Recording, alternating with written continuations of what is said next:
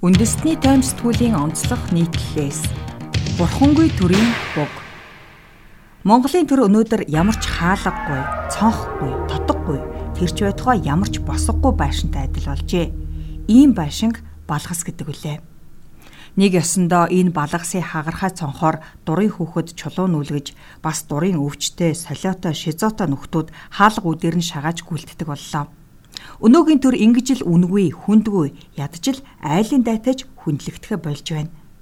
Ямар ч айлд хин дуртай нь орж очоод хойморт нь гарч бурхан тахлыг нь өшгчүүд байдгүй шүү дээ. Сүүлийн үед улсын хурлын гишүүн болохоор горлож байгаа хүмүүс сайдаргаар томилогдож байгаа этгээдүүдийг хараад үнэндээ энэ төрд босго гэх ойлголт бүрэн алга болсныг анзаарах боллоо.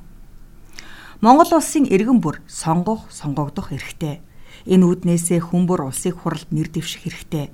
Зөвхөн улсыг хуралж гихгүй сайд дарга төрийн албаа агч болох нь хүмүүрийн өмнө нээлттэй. Гэхдээ төр гэдэг чинь хаалгатай, хаалга нь босохтой, ор хүн бүхийж ордог тотхтой гэдгийг бүхний тэрэ ор тас мартаж орхисон бололтой. Яагаад бүхний тэрэ гэж хэлсэн минь учиртай төрд орох гэж өөрийгөө голохгүй савсгнаж байгаа нь ч тэр. Тэр санааг нь дэмжиж тэтгэж саналаа өгч байгаа төмөө олон ч цөмөрөн төр босохтой тэр нь өндөр байх ёстой гэдгийг умартаж. Олон танигдсан л бол улсын хурлын гишүүн болох ёстой мэт ойлгодог нийтлэг үзэгдэл хавтгаарлаа. Бөхчүүд дуучид сүлдээ алиалагч жүжигчид хүртэл төмний саналаар төрд гарах боллоо. Арчилсан нийгэмд байдаг л үзэгдэл. Тэр тусмаа сонгуулийн тогтолцоо нь ард олны олонлогоор бүтэг нөхцөлд ийм л байх тавилантай. Ямар арт түмэн байна? Тийм л төр байдаг гэх хоржоонтой өгвөл үний нотлогоо. Улсын хурлын гишүүн болчихсондоо өөрсдөө ч итгэж чадахгүй сандран гүйж явсан паян өмнө болон өнөө үеийн парламентод бишгүүлнэ. Улсын хурлын гишүүн бүхэл төрийн албанд ч тэнцэхгүй хүмүүс тэгж мандсан удаа цөөнгүй. Түүний гороор төр эцтэй зувайлын барилгын захын бие чадамжуудаар дүүрлээ. Бие голохгүй нэр дэвшиж аз ёндоо байвал гишүүн болчих хүсэлтэй тэдгээр нүхтийг буруутгах аргагүй Илжиг хүртэл өөрийгөө морь гэж боддог хорвоо хойно. Тэгвэл тэдний нутгийг зааж байрыг нь хилжих ёстой зүйл нь төрийн өндөр босго юм.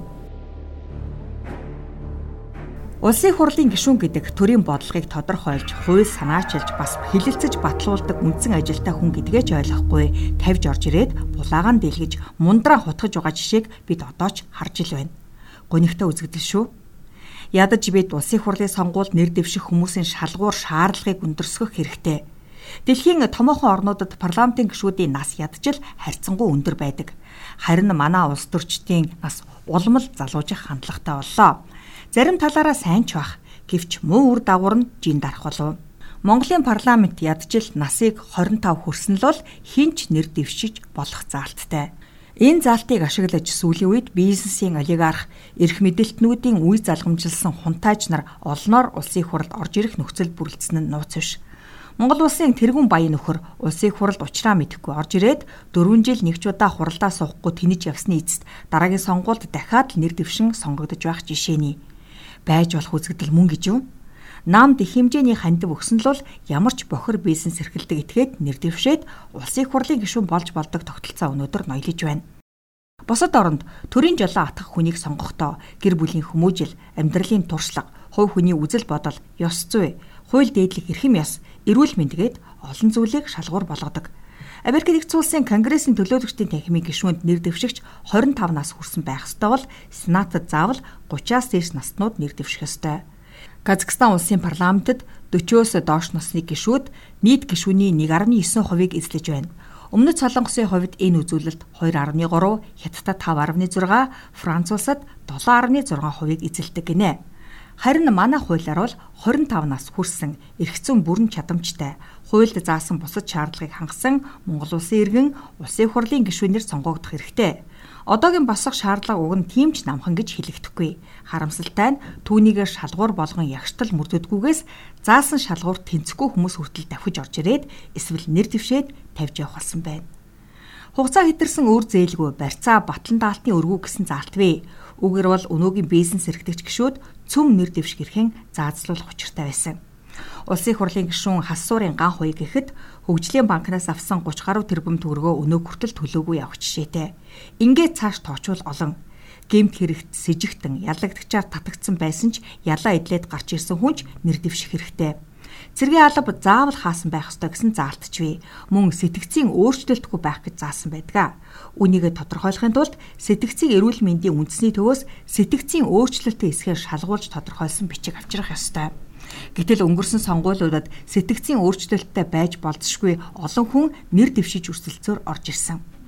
Хин дуртай нь төрд ороод дураараа аашилж дунд чөмгөөрөө жиргэнэ гэж бодож зүрхэлдэг болсон байна. Ямар ч гэмт хэрэгт орооцолцсон, ямраарч нэр хүндээ алдсан, яаж ч илий болоо аашилсан төрийн түвшээ болж чадна гэж их хэлбэрхаан бодож чаддаг болсон байна. Монголын парламент амьтдын хүрээлэн болох магадлалыг улмал нэмэгдүүлэх боллоо сэтгцийн өвчтэй үнэхээр галзуу солиотой хүмүүс хүртэл тэр байдлаараа олон танигдж түүнийхээ дараа төр барьж чадна гэж өвчхнөх аж.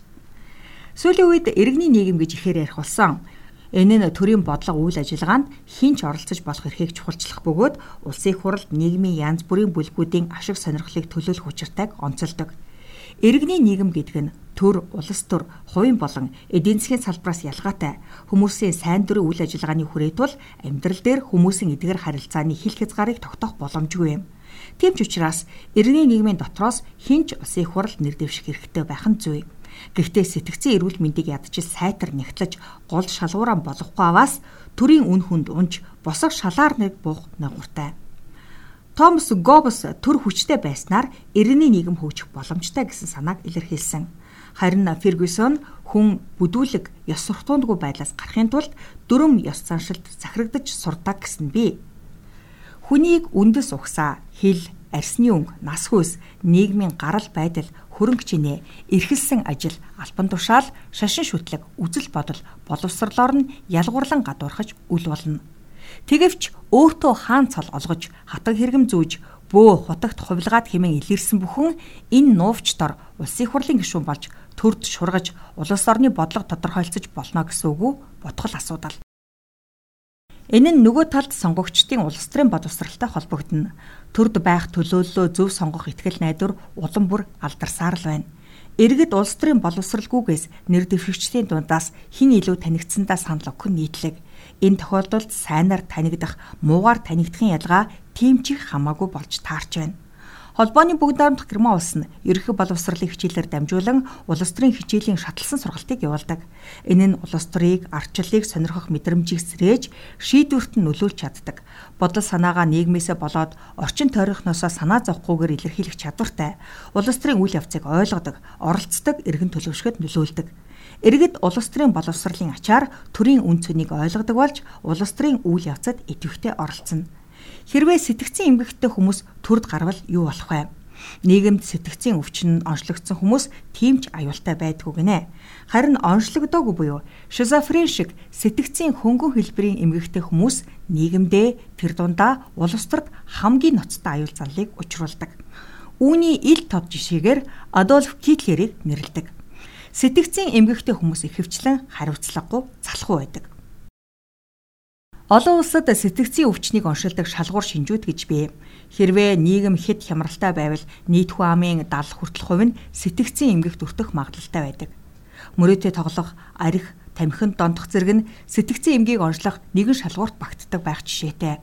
Энэ тохиолдолд манай улсын хурлын гишүүдийн дундаас цөөнгүй сэтгцийн эмгийн шинж тэмдэг илэрнэ гэсэн үг л дээ. Ер нь хүнийг сэтгцийн өвчтөе эсхийг хэн яаж шийдэх вэ гэдэг нь ихээхэн эргэлзээтэй маргаантай сэдв. Энэ асуултанд хариулах амар биш. Бид ярихдаа зарим хүнийг хэвийн биш, гажигтай, ёётой, юмтай, солиотой, өвчтэй, галзуу гэх мэтэр тодорхойлж ярьдаг. Тэгвэл өнөөдөр бидний тэгж нэрлдэг олон хүн улсын хурлын гишүүн болоход ойрхон байна, эсвэл босоорч байна гэж төсөөлдөө. Энэ нь хичнээн уужран хүндэрснийг саяхан сонгон хайрхан дүүрэг болон хинтээ амигт өрнсөн улсын хурлын гишүүний нөхөн сонгуулийн дүр зураг маш тодорхой харуулсан юм. Тиймд сэтгцийн эрүүл мэндийг чухалчлан шалгадаг байх шаардлага зайлшгүй үүсчихэд байна. Тэгэхгүй аваас захим орчинд илэрч чанга орилсон бүхэн улсын хурлын гишүүнээр сонгогдох магадлал улам бүрл ихслээ. Дэлхийн улс орнууд нэр дэвшигчдэд тавих шаардлага өндөрсгөж байна. Монгол улсад нийт хүн амын 80% нь сэтгцийн эмгэгтэй гэсэн ноцтой таамагч явдаг. Энэ нь сэтгцийн эмгэг гэж юуг тодорхойлох вэ гэдгээс шалтгааллах байх л да. Гэхдээ яг бодиттой баримтын тухайд Монгол улсад 5-6 хүний нэг нь сэтгцийн өвчтэй гэсэн аль бие осны тоо бий. Сэтгцийн эмгэгтэй эсхийг зөвхөн ганц бичгээр нотлож болдгүй. Тэгэх боломж чхоос байдагт асуудлын гол нь байгаа юм. Сэтгцийн эрүүл мэндийг шалгаж тогтоохын тулд маш урт хугацааны ажиглалт шинжилгээ шаардна. Хэрвээ сэтгцийн эрүүл мэндийг улсын хуралд нэр дэвших гол шалгуур болгосон тохиолдолд сөрөг талууд ч босч ирнэ. Үүгээр шалтгаглаж сонгох, сонгогдох эрхийг хууль бусаар хаан боогдуулах шалтгаан шалтгаанч болж мэднэ. Тухайлбал ерөнхийлөгч асан намрын их баярыг сэтгцийн өөрчлөлтөө гэж дүгнэлт гаргаад сонгуульд оролцуулаагүй тохиолдолч биш үү дээ. Энэ утгаараа хэнийг ч оруулахгүй байх бололцоо бас үүснэ. Гэхдээ хинч нэр дэвших хэрэгтэйгээд сул задгаа орхисноос өндөр босго өргөн шалгууртай ам гэдгийг илэрхийлж байх нь зохистой мэтэ. Ирээдүйд бид улсын хуралд сонгогдсон гишүүдэд хэдий болтол тэнэг мангараар нь дуудах юм бэ. Хэрвээ нэр дэвших босгон өндөрсөхгүй юм бол энэ байдал үрд хэвээрээ байх болно. Бидний тэргүүн дээр жинхэнэ тэмүүд гарч ирж тохуутай гихчин зайдган сар байх болно доо.